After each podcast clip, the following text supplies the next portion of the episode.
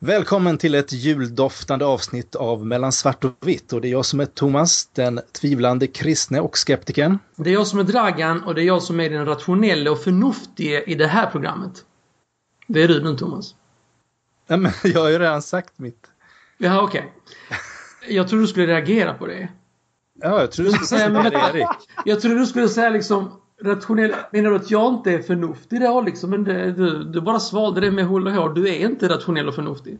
Inte ens en alltså, protest Men, från, men jag, sa, jag sa ju om mig. Jag har ju inte sagt vad jag inte Okej, okej, okej. Okej, då, gör jag som så här. Jag okay. presenterar mig själv och sen så okay. presenterar jag... Nu får vi göra om allting från början. Vi gör om allting från början. Det här blir inte bra alltså.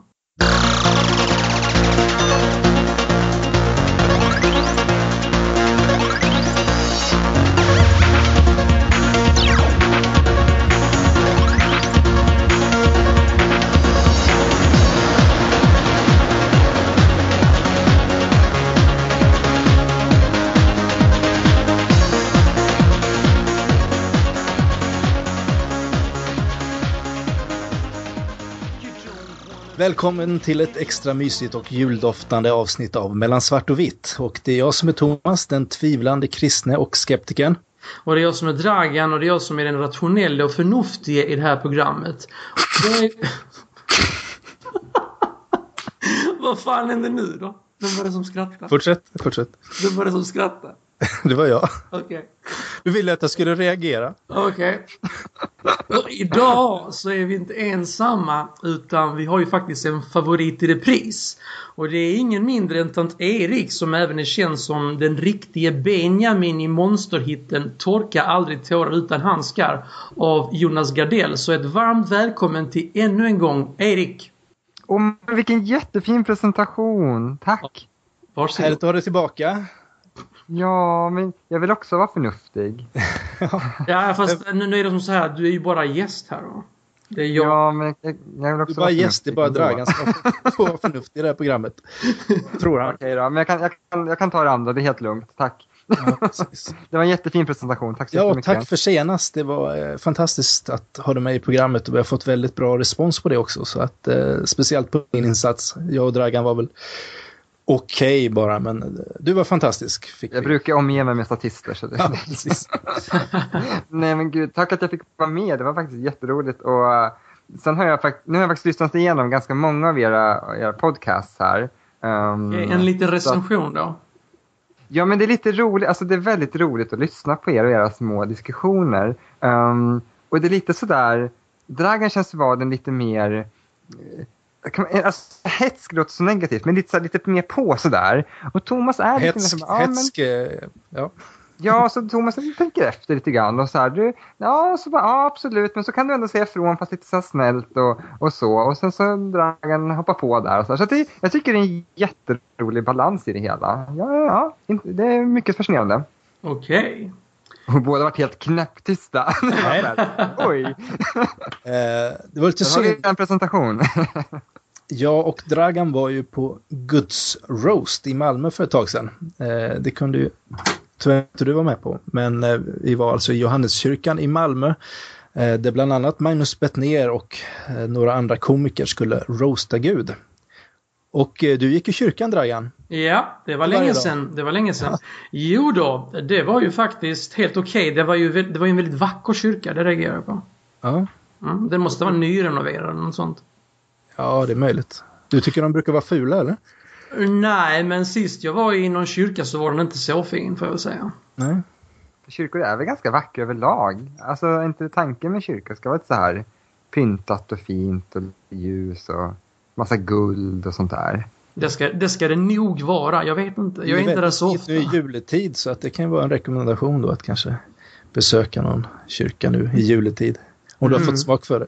Nej, alltså det här är nog sådana här speciella tillfällen när man uh, får kolla på Magnus Bettner eller något annat kul liksom. Men om vi nu ska om vi nu ska, om vi nu ska ta det här, vad, vad, vi tyckte lite grann om det. Jag tyckte det var väldigt varierande kvalitet på de här roastarna. Mm. Det började med en dålig och så blev det lite bättre och sedan lite sämre. Ungefär som börsen de senaste decennierna. men... Nej, men det var ju så här, det var ju... Alla var ju inte utpräglade professionella komiker utan eh, Eh, Ann Heblein som var den som började, hon är ju tror jag, författare och teologidoktor eller vad hon är. Så att det blir ju lite mer av ett kåseri. Mm. Eh, hon hann väl säga kuk någon gång under första minuten och, och sen gick det väl ner för efter det tror jag. eh, sen var det säga sånt i kyrkan? Ja, det var, väl, det var väl rätt så friskt. De sa mycket sånt. Ja. Just oj, vid det här oj, tillfället oj. får jag väl säga. Vilken tur att tant inte var där.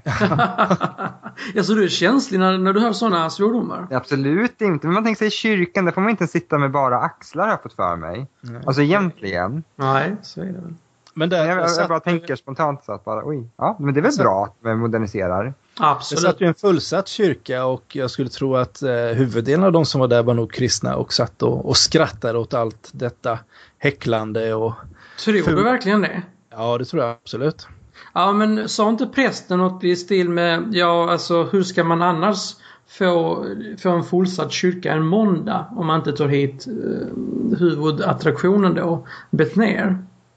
Nej, men måndagar är kanske inte de eh, dagarna som det brukar vara mycket folk i kyrkan om det inte är någonting alldeles speciellt. Och det här var ju något speciellt förstås, men jag tror definitivt att det var många kristna från olika runt om som kom och lyssnade på det här. Han, han sa ju även att eh, han varnade ju folk för att tål ni inte lite eh, rough så får ni gå liksom. Han sa ja, ju precis. Oj då. Men det var väl Parental advice, eller vad säger man? Ja, precis uh, nej men jag tycker faktiskt uh, personligen så tycker jag det är rätt så uppfriskande att, uh, att man ska, alltså hela den här relationen till en eventuell gud är ju rätt så, man står oftast inte likgiltig inför den. Antingen så är man väldigt frustrerad eller tycker saker är märkliga eller så är man förbannad och tycker saker är, ja, att man tycker Gud är fasansfull eller något sånt. Då är det väldigt bra att kunna sätta ord på det hela och och att det får vara tillåtet att ge utlopp för sin frustration och även att driva med, med saker och ting. För att ofta så är det ju så att man stöter på folk som säger saker om hur Gud är eller vem han är. Eh, som, som kanske då, som man med all rätta reagerar på. Vem Gud är i, liksom, i det yttersta är det väl egentligen ingen som, som vet. Mm. Och det var mycket det som det här handlade om också. De pratade om att roasta gudsbilder. Det finns så många olika bilder av Gud. Och att eh, de, de kan man ju driva med in i absurdum. Vad var ditt betyg över det hela? Eh, mitt betyg är nog en fyra av fem faktiskt. För jag tycker det är ett väldigt vågat projekt och det, det skulle lätt kunna bli pannkaka av det hela. Eh, där är ju Magnus ner lite en livförsäkring. För att... Ja, det var han ju verkligen får jag säga. Eh. En, annan, en annan sak som jag reagerar väldigt mycket på. Det var just att prästerna som borde, alltså de borde ju ha någon sorts rutin i den här akustiken så man, man, man, man hör vad de säger. Men, men den som hördes bäst det var Magnus Bettner. Mm. I all akustik. Det var förvånande faktiskt. Hade de inte mikrofoner och sånt där? Alla hade mikrofoner, alla hade mikrofoner. Men den som hördes bäst var Magnus Bettner. Präster och de här eh, hobbyroastarna, de liksom... Man hörde knappt vad de sa alltså. Tyvärr. De kanske inte vågade riktigt då. De kanske var lite nervösa. Ja, det måste varit något De ska sånt. sitta där och roasta Gud, liksom, typ deras chef. Och så bara, oj då. Nej, men jag tror kanske att det, det beror på att han behärskar formatet bäst, alltså eh, meningsbyggnaden, var han ska lägga betoningarna och sånt där för att det ska gå, gå fram bäst. Ett sånt här Ja. Även i den akustiken för att jag handlar inte... Jo vänta nu här. Han, han är ju faktiskt en eh, son till en prälle va? Ja, en pastor i Missionskyrkan och där är ja, det inte precis. riktigt samma akustik eh, vanligtvis. de, att, de sitter oftast i något loft eller? Ja, heltäckningsmatta. Han kanske har tagit så här, jag vet det, röstlektioner. Han kanske liksom har skolat sin röst just för att kunna prata. Till skillnad från eh, prästerna. Ja, vem, vem vet, vem vet? Ja. Nej, men så jag tror det, var... det är hans jobb att prata, tänker jag. Alltså, det är ju... Ja, han, eh, han måste nu göra mer skäl för sin röst än vad prästerna behöver göra. De behöver bara läsa innan till en gammal bok liksom. Mm.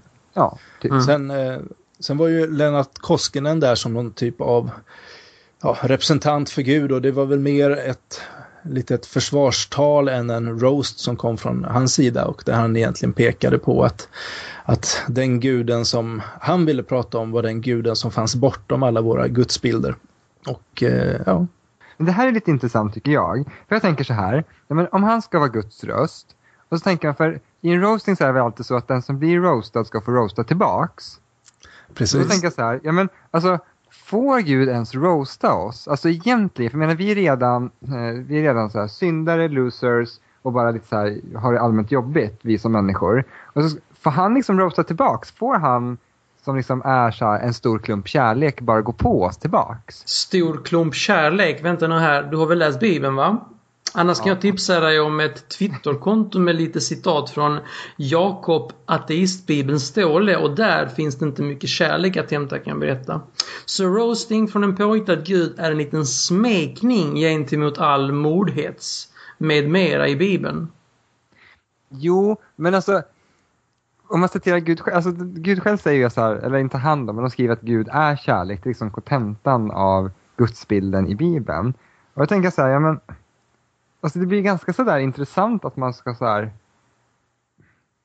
men alltså roasta Gud. Och, och så, alltså det är så hädiskt om man går på honom men det känns ändå väldigt modernt. Men jag vet liksom inte vad jag ska tycka riktigt. Alltså, han sa väl det i intervjun som ni hade innan roastningen att den här biskopen att alltså inom judendomen va, så finns det någon slags tradition av att man kan ifrågasätta Gud på ett annat sätt mm. äh, än vad vi kanske är vana vid. Och man hänvisar också till eh, bibelböcker som eh, Jobs bok till exempel där han eh, gör stora där han ropar på Gud och tycker att han eh, är det ena och det andra och så. Att det finns många exempel i Bibeln på, på människor som också har, har liksom känt sig övergivna eller har tyckt att Gud inte finns där och så.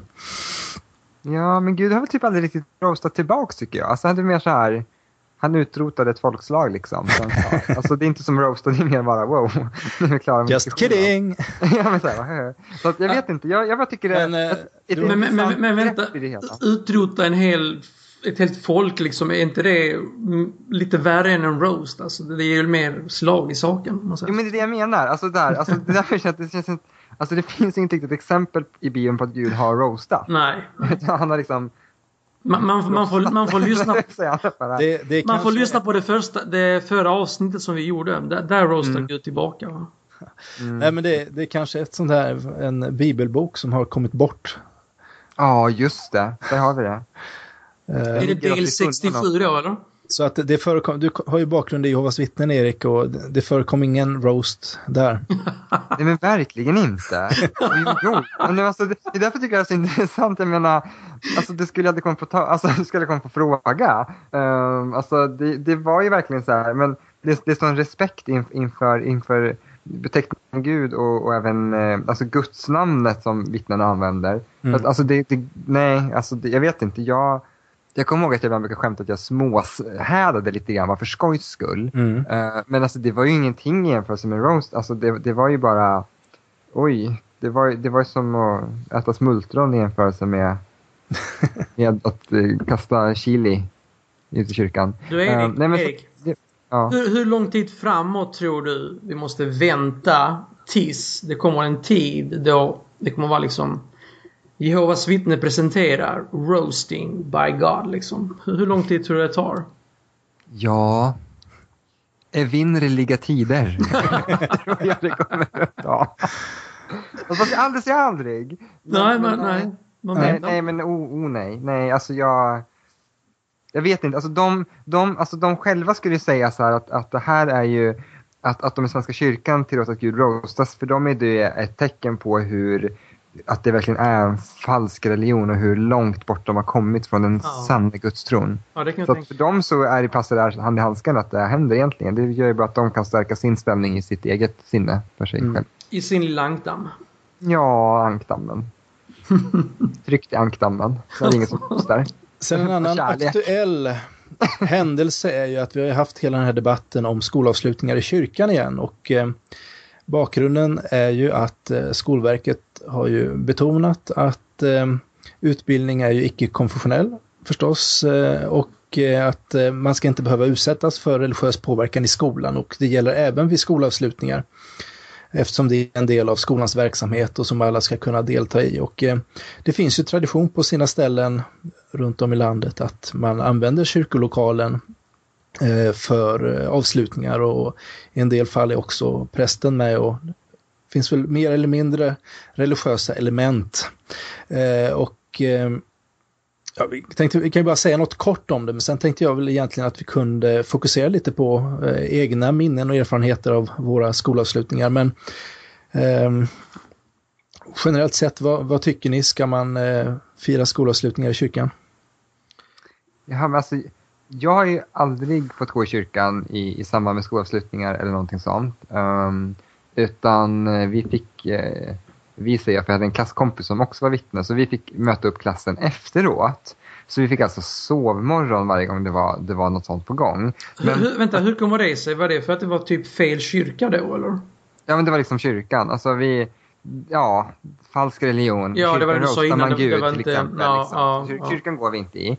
Um, fast, å andra sidan ska jag säga så här, jag visste faktiskt inte Alltså jag visste inte vad som, vad som pågick där inne egentligen. Alltså som du berättar nu Thomas om att det egentligen inte ska vara några religiösa inslag utan att man kanske sjunger bara någon psalm och sådär väl något. Alltså jag vet ju inte ens vad man gjorde på en sån skolavslutning. Jag har aldrig varit med på en skolavslutning ah, kyrkan, ever. Så jag, jag, så jag vet ja. inte vad jag har missat egentligen. Det har ju blivit mer reglerat, nu kommer jag inte ihåg. Ni får ursäkta med alla lyssnare som är jätteinsatta i den här debatten och kallar alla datum och alla sådana här regler. Men det har ju blivit eh, mer noggrant så att i dagsläget får ju inte eh, prästen säga eh, Gud välsigne er. Då har han ju ja, då, han, då är det ett övertramp. Liksom. Mm. Så att där är det idag, utan eh, prästen får delta men inte, det får inte vara någon böd, ingen välsignelse och, och så vidare. Eh, men, men hur var det då? Kändes det inte konstigt då att inte vara med på skolavslutningen? Kände du dig inte lite utanför eller var det liksom, kände du dig eh, trosviss att du inte, ja, stärkte det dig i din tro att du inte ställde upp på sådana ogudaktigheter. Back in the days. oh. Nej, men alltså, jag, man tänkte inte så mycket på det. Det var liksom så här, det var ingen direkt i klassen heller som reagerade på det. Det var mer att ja, men, man stod och hängde där utanför och sen så när de kom ut så hakade man på och hade någon så gruppfotografering och mm. någon liten ros och sen åt man tårta i klassrummet. Så att, det var väl liksom inget märkvärdigt egentligen. Och så. Men det, ja, nej, men, men det är klart det är väl lite sådär, man kan väl förstå det här med kyrkan, alltså om man inte har någon relation till kyrkan eller så, så, så ska det kanske kännas märkligt att vara där tror jag. Man skulle säkert känna sig lite, man skulle känna sig lika utanför där inne som man gjorde utanför, tror jag. Mm. Mm. Nej men eh, jag tycker att det är fullt rimligt att man använder andra lokaler eh, för skolavslutningar. Det tycker jag egentligen är det det är väl det enda rätta utifrån den eh, Skolverkets eh, eh, Skolverkets eh, Jag håller med. Föreskrifter. För att eh, alla ska ju kunna känna att, att de eh, kan gå dit. Det är ingen som ska behöva vänta utanför utan alla ska kunna känna sig bekväma. Sen, sen, sen tycker jag att, jag menar, att, att gå till kyrkan och inte ha någon präst där och försöka göra någon sekulär historia i kyrkan. Det tycker jag det blir krystat. Det blir, lite konstigt. Det blir krystat. För jag menar, är du inne i ett kyrkorum så finns det, det är ju religiösa element där. Eh, det går inte att komma ifrån. Nej. Så att eh, just på skolavslutningar så, så går, får man nog hitta andra ställen att vara på.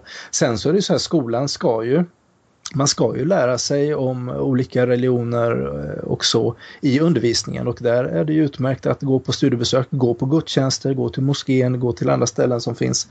Eh, men då är det ju som en del av vad ska man säga, sin religionskunskapsutbildning. Men att, att just eh, fira en högtid i en, eh, där man favoriserar en viss religion.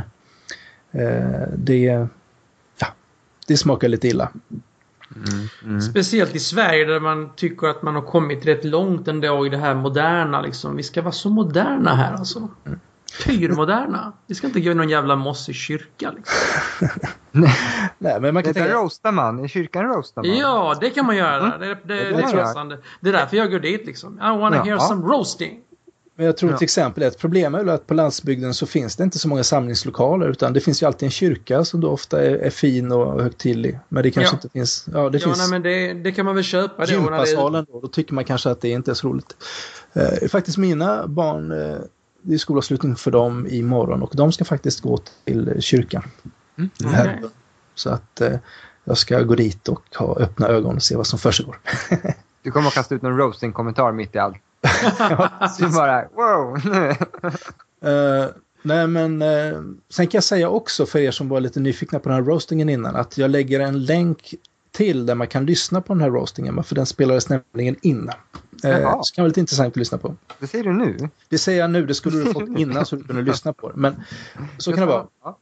Det är mycket ad hoc här nu. Va? Ja, mycket ad hoc idag. Mm. Men eh, sen kan jag faktiskt säga när det gällde skolavslutningar i kyrkan för min egen del så tyckte jag nog att det var lite jobbigt av den anledningen att jag tyckte prästen var flummig och inte riktigt representativ för kristen tro.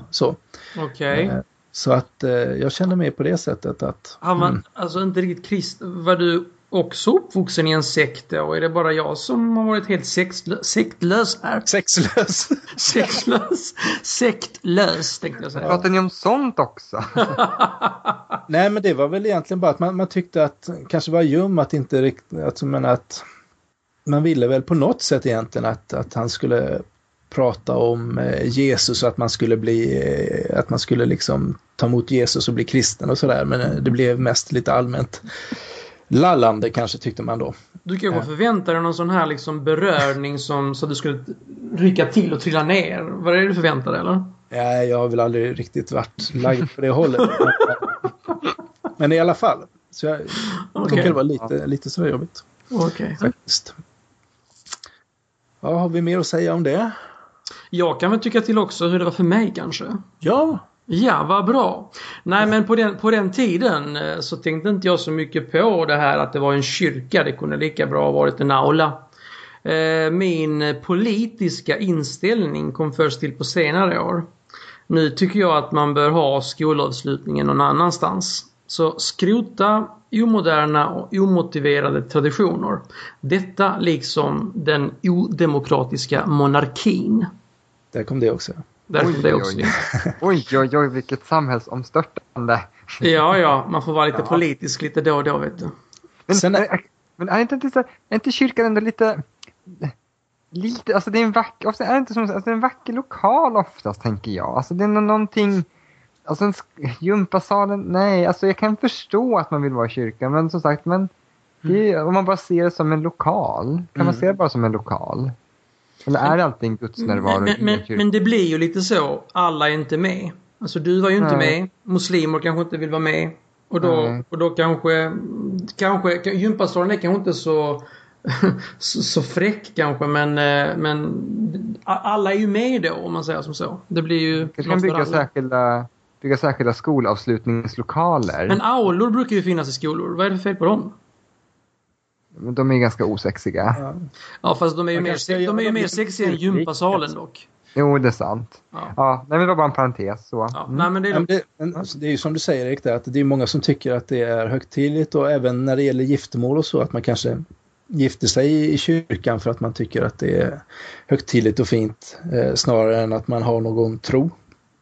Ja. Men eh, när det gäller giftermålet då tar man ju själv det beslutet. Eh, men att, att det ska vara obligatoriskt inom skolans ramar är ju där det ställer till. Ja. Att, att kyrkan skulle vid sidan av skoltiden anordna typ att nu så firar vi eh, att vi går in eh, sommarlovet. Så, men som en separat grej som, man, som är frivillig att gå på utanför skoltid. Mm. Det kan man ju tänka sig. Men eh, ja, det är ju upp till kyrkan och de som vill gå dit i så fall. Det har ju ingenting med skolan att göra.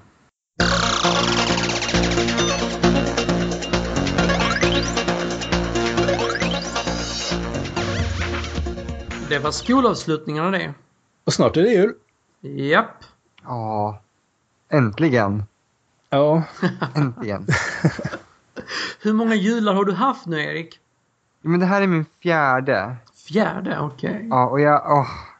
Alltså, jag har ätit flera kilo prinskorv redan. Jag har druckit Redan? ja, massor med glögg och allting är så här inslaget och klart och preppat. och mina kläder till julafton är fixade och jag bara längtar. Jag längtar jättemycket. Prickskorv går fett bort för mig, jag vet inte. Jag tycker det är, det är långt ner på prioriteringslistan faktiskt. Mm, Sillen växer för varje år för mig. Okay. Det kommer sluta med att när jag är gammal att jag bara sitter och äter sill hela julen. sill är fint, det är också fint. Ja. Julsill, allting är bara jul och fint. Så fint. Mm. Men du, du är som sagt Dragan uppvuxen i, i ortodox, ortodox. ortodox miljö. Ja. Eh, och eh, hur var det när du var liten och eh, firade jul? Mm. Som liten så var ju den 24 en vanlig ledig dag som vilken söndag som helst. Julen var ju den 7 januari. Detta då enligt den ortodoxa varianten av kristendom. Den inom situationstecken rätta läran som ortodox betyder i detta sammanhang. Det innebär att jul och nyår är förskjutet två veckor enligt en alternativ almanacka. Vi äter ju då också julmat, lite speciell mat som man inte äter till vardags. Eh, lite USA-inspirerat kan man nog säga med kalkon och någon annorlunda rätt. Ett degknyte med namnet maznik skulle jag kunna nämna för att nämna något. Denna stora runda rätt eh, gömmer man ett mynt i. Den som får detta mynt när man delar upp rätten kommer ha tur det kommande året. Det låter vidskepligt tycker jag. Ja, det är det. Det är jättevidskepligt. har du fått myntet någon gång? Ja, det har jag fått. Fick du någon tur? Uh, ja, jag har haft rätt mycket. Om man, om man nu tror på att tur finns så har jag väl ja. haft rätt mycket tur tycker jag. Ja, men kunde du märka att du fick mer tur det året som du fick myntet? Jag glömde ja. nog bort det dagen okay. därpå om jag ska vara helt ärlig. Eh, men eh, just, eh, just det här så kommer jag, jag kommer väl ihåg min farmor. När det vid ett tillfälle visade sig att min farfar fick myntet. Då bara tog hon det ifrån honom och gömde om det. För han skulle minsann inte ha någon tur. Det var ju barnbarnen som skulle ha det. Åh, vilken fin farfar. Så att eh, det gjorde hon nästan, alltså han, han, min farfar fick det väldigt ofta av någon anledning. Och jag, jag men jag, jag, kan inte påminna mig att han var sådär jätte, hade mycket tur i livet. Det kan, så, så det där vidskepliga, det funkar nog inte tror jag. Men håller du liv i de här traditionerna på något sätt? Eh, kalkonen och massniken och myntet? Alltså jag gör ju inte det så mycket själv utan det, det är ju mer att eh, min fars fru hon, hon ringer mig när det är dags att bjuda mig på middag den sjunde då. Okej. Okay. Så att det, det, är så. Och just det kommer jag på då liksom. Det är ju jul nummer två nu. För att jag har ju förmånen att kunna fira jul två gånger. Så du får lite av det här eh, nu också, denna julen? Ja, det får jag. Okay. Men hade ni så julklappar och sånt? Då? Alltså hur var julklappar... det? Julgranar och sånt? Alltså även fast det var 7 januari? Eller hur? Ja, allting såg precis likadant ut. Förutom att vad jag minns så, alltså i min familj har vi inte julklappar på det sättet. Utan julklappar kommer faktiskt på nyår. Mm. Enligt den ortodoxa okay. traditionen. Jag, jag har en liten teori här och det, det är att hela det här ortodoxa upplägget bygger på snålhet. Eh, man väntar in mellandagsrean eh, och sen till den 7 mm. januari då är granarna jäkligt billiga. Mm, mm. Och även julklapparna också. Ja. Eh, men det är bara det att de ortodoxa de firar ju inte jul i Sverige utan det är ju Ryssland och mm. Makedonien och Serbien och där, där, är det ju inte så. Så då funkar inte din lilla teori. Där är ju, har, har där är ju julen där den verkligen är. De har ju inga mellandagsrejor som vi har här i Sverige. Nej, så då, okay. då, funkar ju inte din teori. Va? Så det är bara för invandrarna här i, som, som är ortodoxa i Sverige som, som kan ha en snål jul. Eh, icke, då har du inte valt det själv utan det är ju Nej, traditionerna okay. som gjort det. Så, i Sverige, så att din lilla teori höll inte där. Nej, okay. Men, Men läste man typ så här julevangelium och sånt där? Alltså hur, hur pass religiös var den julen egentligen? Mitt minne är, alltså det är ju min familj då. Alltså min familj är så här att alla tror på Gud och det är ju för att alla andra gör det. Och liksom så kan man fråga sig hur troende de egentligen är. Men, eh, men de har den här filosofin. Men alltså, alltså du har ju ingenting att förlora på att inte tro. Då har du liksom säkrat upp dig ifall nu Gud skulle finnas. Så att tro. Det är deras filosofi. Så att eh, mm. det, det, är de religiösa elementen där. Ja, vi tror. Mm. Det är ganska smidigt. Tro kan man ju alltid göra. Ja. Det är bara att tro liksom. Du har ingenting att förlora på det. Medan jag är mer... Va, vadå, vadå, vadå bara tro? Det kan man inte göra. det är sån jag. Mm, mm, intressant. Du är inne på din fjärde jul nu, Erik. Hur... Men Ja. som sagt, det var inte så länge sedan du hade din allra första jul. Hur var det egentligen? Ja, men, alltså, jag har egentligen två versioner av min första jul. Och den allra, allra första julen, det var... ehm, den vill inte jag fira. För jag tänkte att jag ska inte fira jul. Jag, jag har ingen relation till julen. Jag tycker det är helt oväsentligt. Människor köper julklappar. Jag var ungefär lika cynisk som jag var som vittne när jag tänkte på julen, vad människor håller på med. Så jag var lite såhär, nej men jag vill inte. Men så min allra, allra bästa kompis, Lina, eh, hon, hon är sån här, hon bara älskar julen. Alltså hon, hela hennes år liksom bara leder fram till julen. Eh, så att hon var så här, vi kommer fira jul med oss. Och jag tänkte att nej, alltså jag, orkar, jag orkar inte med en sån här Fanny och Alexander-jul och jag orkar, jag orkar inte med det här. Eh, och hon bara, men Erik du kommer hit, vi brukar inte göra så mycket på julafton, du kan bara komma precis som du är, du sitter här, du tar till i det du vill, vill du inte vara med alls så gör du inte det, men du ska inte sitta själv på julafton. Så jag, jag bestämde att okej, men jag åker väl dit. Så att dagen innan så måste jag tänka, jag måste ha med någon julklapp då. Åh, okej, tänkte jag. Så jag går ut på stan och, och köper julklappar och jag har så roligt. Och det är så mysigt. Och det är julmusik och det är så här, man går och letar, ska hitta fina saker och så köper jag julpynt på halva priset som jag kan ha och slå in paketen med. Det var så här, jag, bara, jag hade så mysigt, drar iväg dit, de och det var bara helt fantastiskt. Och vi klädde upp oss och, och vi satt och, och kollade på Kalle Anka och åt godis. Alltså det var bara så här mysigt. Och sen då nästa jul jag firade, då um, filmade vi samtidigt en dokumentär um, som handlar om just min, min första jul. Och eh, då, för då var det första gången jag skulle köpa julgran, det skulle pyntas, jag skulle göra julmat. Alltså nu skulle jag verkligen ta del i julen för första gången. Och det var helt galet roligt. Alltså det, jag vet inte, och, och det, det fortsätter ju att växa. Alltså nu, det här är ju fjärde året då. Och jag brukar säga att alltså, förut så var jag kanske en, en finstämd, religiös eh, lovsång sådär. Och nu är jag Mariah Carey som bara wailar ut All I want for Christmas. Och det tar aldrig slut, det finns inget stopp. Och jag kan inte sluta konsumera jul. Ungefär så är det. Eh, och ni var helt chockade hör jag. Ni, så att, Nej, Jag tror du är nog mest entusiastisk inför julen tror jag. Ja. Du har inte kommit in, alltså julen är ju, i alla fall nu innan julen så är det ju mer en enda lång att göra-lista på något sätt som är, som är som ett ok på ens axlar. Eh, Jag har ju tre barn där hemma och eh, från Lucia och framåt så är det ju grejer hela tiden. Mm. Så att eh, samtidigt som det man ska ja, få ordning saker på jobbet innan julledigheten och sånt där. Men sen, sen jag ska ha en rätt lång julledighet nu. Det ska ju bli väldigt skönt. Och när man väl, när man väl, eh, ja, när man har kommit så långt så att man kan gå in och fira, då är det ju, då är det härligt.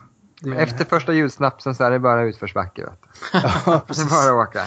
Vi har men- väl inte riktigt den traditionen dock. med julsnaps. Ja, Nej, men, alltså jag hade julbord här i förrgår med jobbet och då, då blir det lite snapsande. Så att, ja.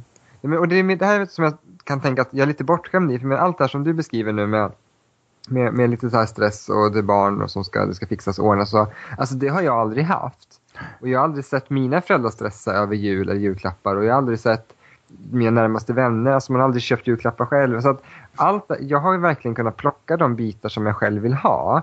Så jag har ju verkligen tagit så här, gräddfilen in i, i julfirandet. Och jag liksom har en så här bestämd budget för julen. Jag har ett pla- planeringsschema där klapparna ska vara färdiginslagna. Så jag, jag bara liksom, alltså, ja, men jag vet inte, lite så ilandsaktigt så bara bekymrar jag mig om så små banala julfrågor. Men jag har liksom aldrig upplevt någon annan sorts jul än den jag själv skapar. På gott och ont. Och den är ju också lyxig då kan man säga. På något sätt. Ja, alltså, Det är lyxjul. Mina En, en lyxjul. Ja, precis. jag är lite stolt över mina paket. Du, du lyxjular. Det finns ju fler, Ja. tydligen flera olika sätt att lyxjula på. Och du Thomas, om ty- du Thomas, tycker du att du lyxjular? Ja, när jag väl kommer fram till jul och, och eh, man får komma till de här När stressen har lagt sig liksom. När stressen har lagt sig, man får sätta sig vid julborden, äta gott och sen sätta sig i en fåtölj med lite kaffe och någon, någon god eh, en lussekatt eller vad det nu är. Julsnaps. ja, precis. Jag får gå ut och ta den under en gran då. Ja, det är väl inte riktigt eh, helt socialt accepterat i, i, bland, i föräldragenerationen att julsnapsa. Okej. Okay. Ja. Vad, vad dricker ni istället då? Sodavatten? Traditionellt är det nog med must, ja. Sen, must, eh. Okay. kan man väl smuggla på någon julöl och... Så det, det är fult att dricka alkohol alltså? Ja, men... Eh, inte okej? Okay. Nej, men som sagt, julölen ska väl inte vara några problem. Ja, okej. Okay. den är inte så stark. Nej. Ja. Men sen är det väl också så här, jag menar, eh, jul med barn också, så är ju, det finns ju bättre tillfällen att kröka på än när man, på julafton när man har tre små barn och så. Ja, så det kan jag tänka mig. Mm, mm. Det är väl det också. Men, men här, är du uppvuxen Thomas med mer så religiösa inslag i julen då? Att det liksom är så här? Alltså, för, för men någonstans så är det ändå mitt i allting är tanken att Jesus föddes vid jul. Jo, alltså jag tycker ändå inte sådär jättemycket eh, faktiskt. Utan eh, det är ju klart, jag menar, vi har ju inte... Det har ju alltid varit julmusik och, eh, och sånt där som har gått hemma. Eh, det är möjligt att vi har gått till kyrkan. Jag vet inte om jag har gjort det varje år. Ehm, men det, det har väl nog hänt. Och sen min pappa han sysslar mycket med sång och musik och så, så han har ju varit anlitad, han har alltid spelat i, i kyrkan och sjungit. Men det, det är ju någonting som vi inte alltid har gått på utan han har ju, det har ju varit en jobbgrej för honom nästan då. Medan vi har gjort annat hemma och så.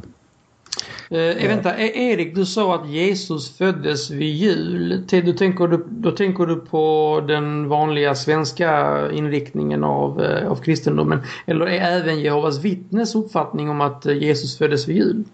Nej, absolut inte. De, de tänker att han föddes vid ehm, eh, okt oktober. Mm. Oktober? Vad baserar de det på? Jo, mycket fyndigt här ska du få höra. um, de, jo, I berättelsen då så uh, sägs det att änglarna kom till fåraherdarna mitt i natten mm. och förkunnade att, att uh, en kung hade fötts. Och då säger man att i Israel uh, så finns det inga fåraherdar ute mitt i natten under december månad för det är alldeles för kallt. Mm. Så att det tyder på att det måste vara tidigare på hösten och sen är det någonting med de här folkskri skatteskrivningarna också. Alltså de, någonting så att de, oktober har de okay. in sig på. Okay. De har, de Men har det är liksom... svårt att beräkna just de, de, de, de har vä vädermässiga belägg på det kan man säga. Vädermässiga belägg på det för att det var för kallt. Ja, de, precis det är vädret som okay. ja, det, det, det, är ju, det är ju lite vetenskaplig skepticism kan man säga va? Ja. Thomas? Jag vet inte om det är skepticism men det är i alla fall... Ett, jo men det blir de ju. De blir ju skeptiska då till att eh, vad heter det, Jesus föddes vid jul på grund av vädret. Ja. Ja, kanske man kan säga. Mm. Men i alla så, fall... Så, så, så, är, så även Jehovas vittne är skeptiker vill jag säga. Egentligen så är de det, fast de vill ja. inte säga det. Nej, men jag menar, man kan ju vara skeptisk till vad som helst. Jag menar, klimatskeptikerna är, ju liksom skeptiska till den globala uppvärmningen, men de är ju inte vetenskapliga skeptiker eftersom det inte är baserat på, liksom, på eh, vad ska man säga? Är det inte en himla inflation på begreppet skeptiker då, egentligen? Alltså, du, det är ju inflation i alla begrepp eh, om ja, du använder dem på olika sätt. Men, så, eh, om alla kan använda sig av ett begrepp då blir det ju en jävla inflation på det begreppet. Alltså. Jo, precis. Oj, en, en, en begreppskris. Ja, men jag tycker vi fastnade tillräckligt mycket i begrepp förra gången. Så jag tror vi går vidare lite. Vi går vidare från begreppen. Precis, innan det blir nästa Twitterstorm här. Så att, eh, och, eh, men jag tänkte säga, för min personliga del så, så spelar det ingen större roll exakt när Jesus föddes eller inte. Alltså man, man, eh, man firar ju det under julhelgen. Sen om det skulle vara någon annan gång, det, spelar ju mindre roll. Nu Innan så... föddes, ta en snaps. ja, must ta, ta, en snaps varje dag för att vara på säkra sidan. Eller? Ja, precis. Ja. Man vet alltså, aldrig. Jag kan ju vara helt ärlig och säga att alltså, mitt julfirande har ju ingenting med religion att göra whatsoever.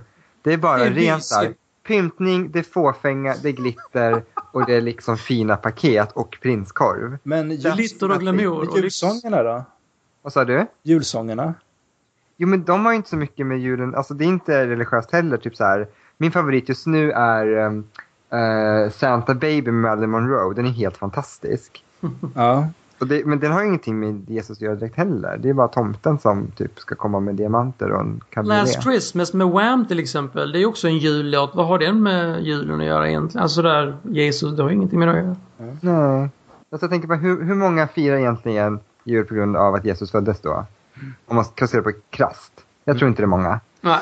Nej, det är det ju inte. Vi försöker väl eh, baka in det, eller vi försöker väl i alla fall eh, i min frus familj så finns en tradition av att läsa julevangeliet. Eh, så, och det, det försöker vi väl också göra till någon typ av tradition då för, ja, som en del av julmomentet. För som sagt, det, det är ju väldigt, för vår del så är det väldigt få religiösa element också. Eh, Hur lång tid tar det att läsa det? ja, vad tar det? Eh, ja, vad kan det ta? Fem minuter kanske? Fem minuter? Okej, okay, då räcker det inte att göra... Är så ja. kort? Nej, kanske mer. Det var räknar man som julevangeliet? Är det bara typ... Ja, i... Alltså när de hittar, när de kommer till stallet och han liksom... Nej. Kejsar Augustus och när Quirinius var ståthållare i Syrien så... Ja. Nej, men jag vet inte. det är inte en jättelång historia det här egentligen. Nej, det är det inte. Den är ju rätt så, den är rätt så kompakt. Så. Jaha. Gud vad länge sedan jag läste den. Jag kanske kan läsa Bibeln ikväll. Ja, precis. Kanske, kanske min jul ska bli mer religiös.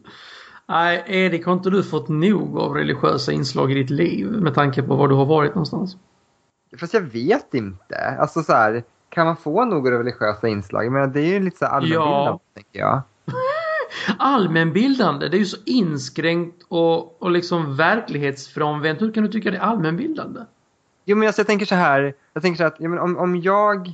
Alltså jag behöver inte tycka som de andra, men om jag vet vad de tänker, alltså om jag vet vad de tror på, mm, så mm. har jag nyckel till att kanske förstå dem på ett annat sätt. Jaha, det är så du tänker? Alltså jag tänker mer, det, är ju mig ett, ett övertag. För ah, ja, det är okay. fortfarande min, min så att säga, övertygelse, eller mitt sätt att leva kvar. Mm. Men ju mer jag sätter mig in i deras sätt att leva, desto mer kan jag liksom Nej, men i det, det perspektivet så förstör jag det. och, och det är ju samma sak om jag skulle eh, åka utomlands eller om jag skulle vara i Indien och sånt där. Det skulle ju vara väldigt fascinerande och eh, besöka, tycker jag, religiösa sammanhang där och, och liksom uppleva de eh, traditionerna och ritualerna och, och så. Mm. Ja, och eftersom vi i Sverige är så oreligiösa så, så, så, tror inte jag att vi ser kopplingen så mycket mellan kultur och religion på samma sätt som du kommer utomlands som verkligen har, där religion är en del av människors vardag och där religion kanske också är nyckeln till hur man ska uppföra sig, vad man ska säga och inte säga. Mm. Så att, men det, det finns ju jättemycket aspekter med religion som, jag, som man kanske behöver känna till för att förstå andra saker runt omkring. Men här i Sverige behöver man inte liksom det. Så länge det finns prinskorv så är liksom julen räddad. Jag kommer att tänka på en sak som hade med julen att göra här. Min eh, mellandotter då som är sex år, hon, hon, var, hon var lite ledsen för just att Jesus är död nu när man ska fira hans födelsedag. Ja, för hon ville ge honom, hon ville ge honom presenter då. Men sen, eh, sen funderar hon lite grann. Men Jesus bor ju i våra hjärtan. Så att när vi ger presenter till varandra så ger vi dem till Jesus. Men gud vad fint hon tänkte. Men vänta, hur gammal är din dotter? Sex år. Och ni har indoktrinerat oh. henne så pass mycket som hon börjar tänka i de här banorna vid sex års ålder. Alltså jag börjar bli orolig här alltså. Och jag tänker helt tvärtom. Jag bara, nej men tänk vilken slutledningsförmåga. Och tänk vad hon tänkte fint där ändå. Jo, det var fint. Det tycker jag. Okej. Okay, du måste se det positiva. Nej, men vi får, vi får vara glada att vi har två olika perspektiv på det här. Verkligen.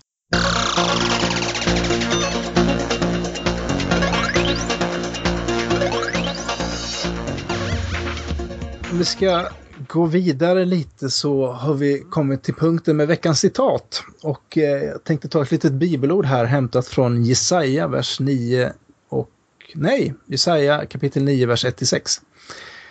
Då står det så här. Det folk som vandrar i mörkret ser ett stort ljus. Över dem som bor i mörkrets land strålar ljuset fram, ty ett barn har fötts, en son är oss given. Detta är hans namn, allvis härskare, gudomlig hjälte, evig fader, fredsförste. Eh, Först vill jag bara fråga, vem är det som har skrivit det här alltså? Enligt traditionen är det profeten Jesaja, en eh, judisk profet. Då. Okay. Sen eh, de senare delarna av Jesaja så finns det lite teorier om att det finns en, en annan eh, okänd författare. Okay. Så det är Det väl var väl egentligen en, en profetia om framtiden som man fick se.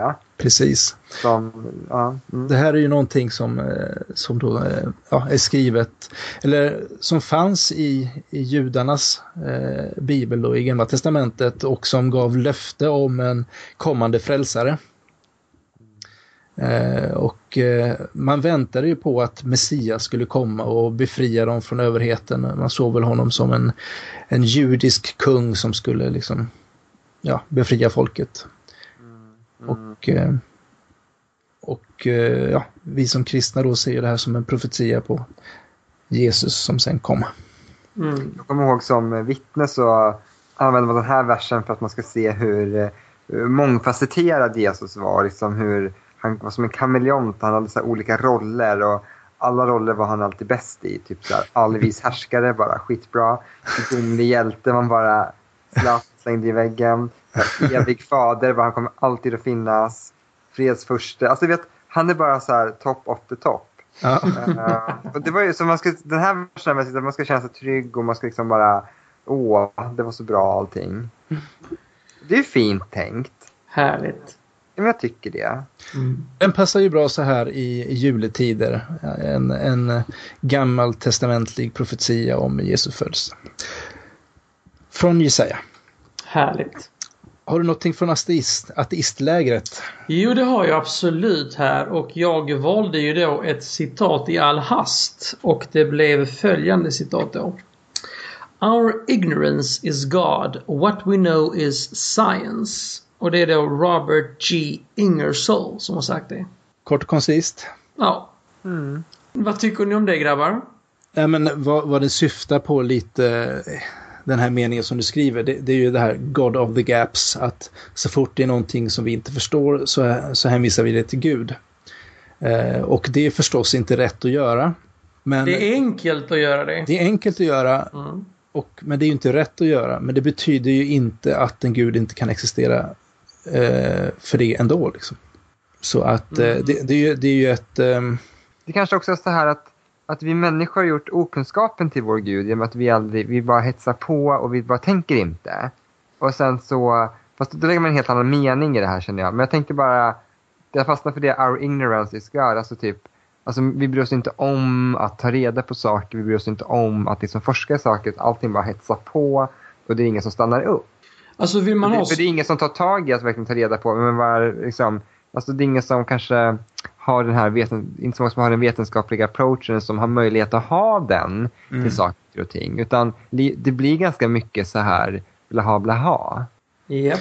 De menar väl egentligen så här att om okunskapen är Gud och, eh, och kunskapen är vetenskapen så kommer när vi når när vi når kunskap om det som vi säger är Gud kommer det också bli vetenskap. Nej, de menar inte så. Eller Robert G. Ingersoll menar inte så. Nu vet jag vad de menar. De menar så här att när vi har kunskapen då behöver vi ingen gud. Så så länge vi inte har Det, kunskapen så det ligger mycket mer i det du sa Erik än det Thomas sa kan jag säga. Betydligt mycket mer. Det står på Wikipedia. Okej. Men, Jag eh, älskar Wikipedia, svarar på allt.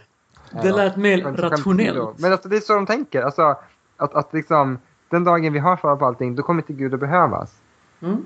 någonstans kan det kännas som att det finns en det finns en tanke om att någon gång potentiellt så kan vi veta allting och då har vi liksom då finns hela facit på papper någonstans och det finns inga det finns inga saker som är utanför det som vi ja det som vi kan förstå liksom. Att- Ska vi bli jätteteologiska så var det det som Adam och Eva liksom sjabblade bort. För de ville veta allt och åt den där himla frukten. Sen var det liksom kört. Mm. Så frågan är om liksom, jag vet inte, vi kanske inte kan bära. Vad det- det djupt det, kan- här blir. Ska ni vara så här Ja, djupt? Ja, jag vet inte, men det kanske är det att vi på något sätt är vi högmodiga när vi tror att vi kan, att vi kan eh, fånga Gud om vi täpper till alla hål på det som vi inte vet någonting om. Det finns ingenting att fånga. Nej, det är möjligt att det inte Nej. finns och det är också möjligt att det finns. Man kanske kan göra om hans citat till så här. What we roast is God and what we know is science. Den var bra, den kör vi på. Ja, vi kör på det. Ja. Då går vi lite mellanväg här. Kan medla mellan er två. Ja, du får, du också. medla.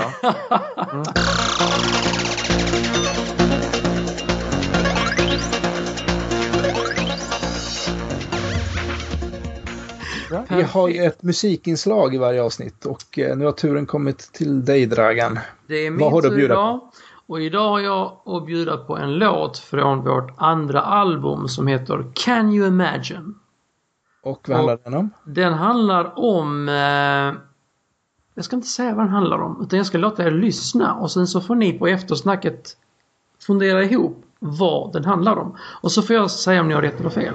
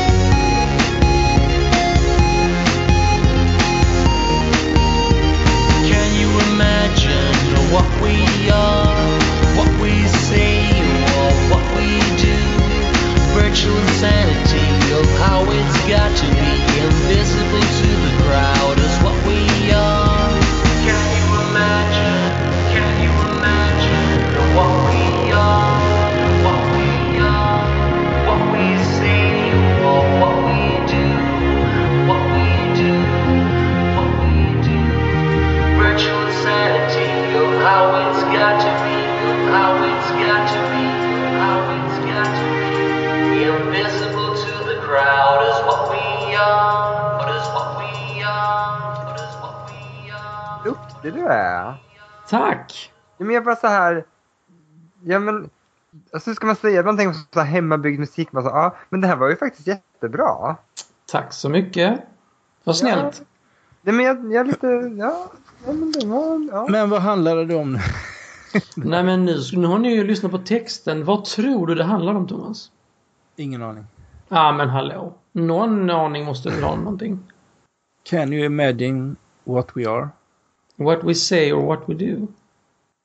Nej, skit i Thomas nu. Erik, vad är din tolkning av det hela? Okej. så här. Nej men alltså det var lite halvdåligt ljud. Men du sjunger om virtual insanity. Och sen invisible. To the crowd. To the crowd, precis. Is what we are. It's what we are. Um, och jag tänker så spontant, alltså, jag bara får, alltså bara min spontana känsla typ så här, sitter på tunnelbanan och jag lever mitt liv genom Facebook.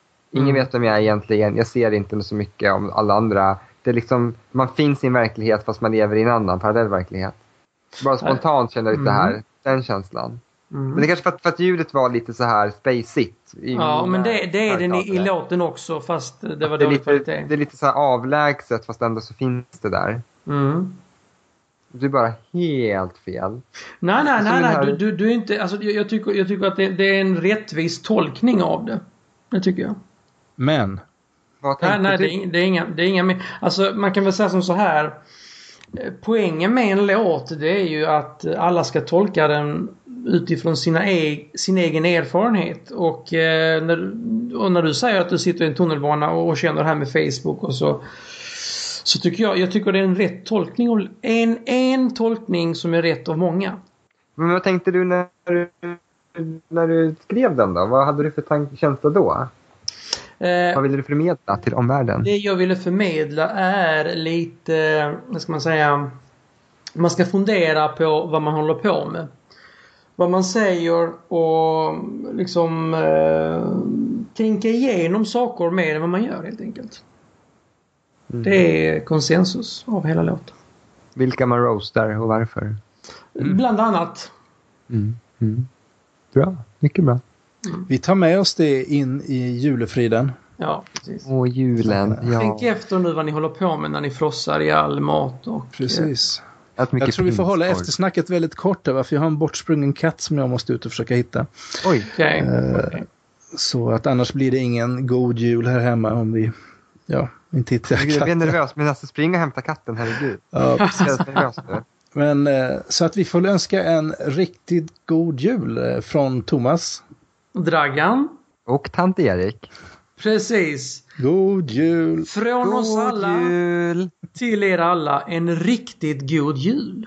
Du har lyssnat på podcasten Mellan svart och vitt. En podcast som handlar om tro, tvivel, skepticism och humanism. Om du gillar oss så gå gärna in på iTunes och ge oss höga betyg och fina recensioner så att vi kan nå ännu fler lyssnare. Ta gärna kontakt med oss. Vi har Twitterkonto svart underscore vitt för programmet. Kan också mejla till oss på tjena snabla mellansvartovitt.se. Vi har också en Facebook-sida. Bara sök på mellan svart och vitt. Vår hemsida kan hittas på mellansvartovitt.se och där kan man också kommentera de olika avsnitten. Och sist men inte minst så är vår jingel gjord av Dragans band The Lounge.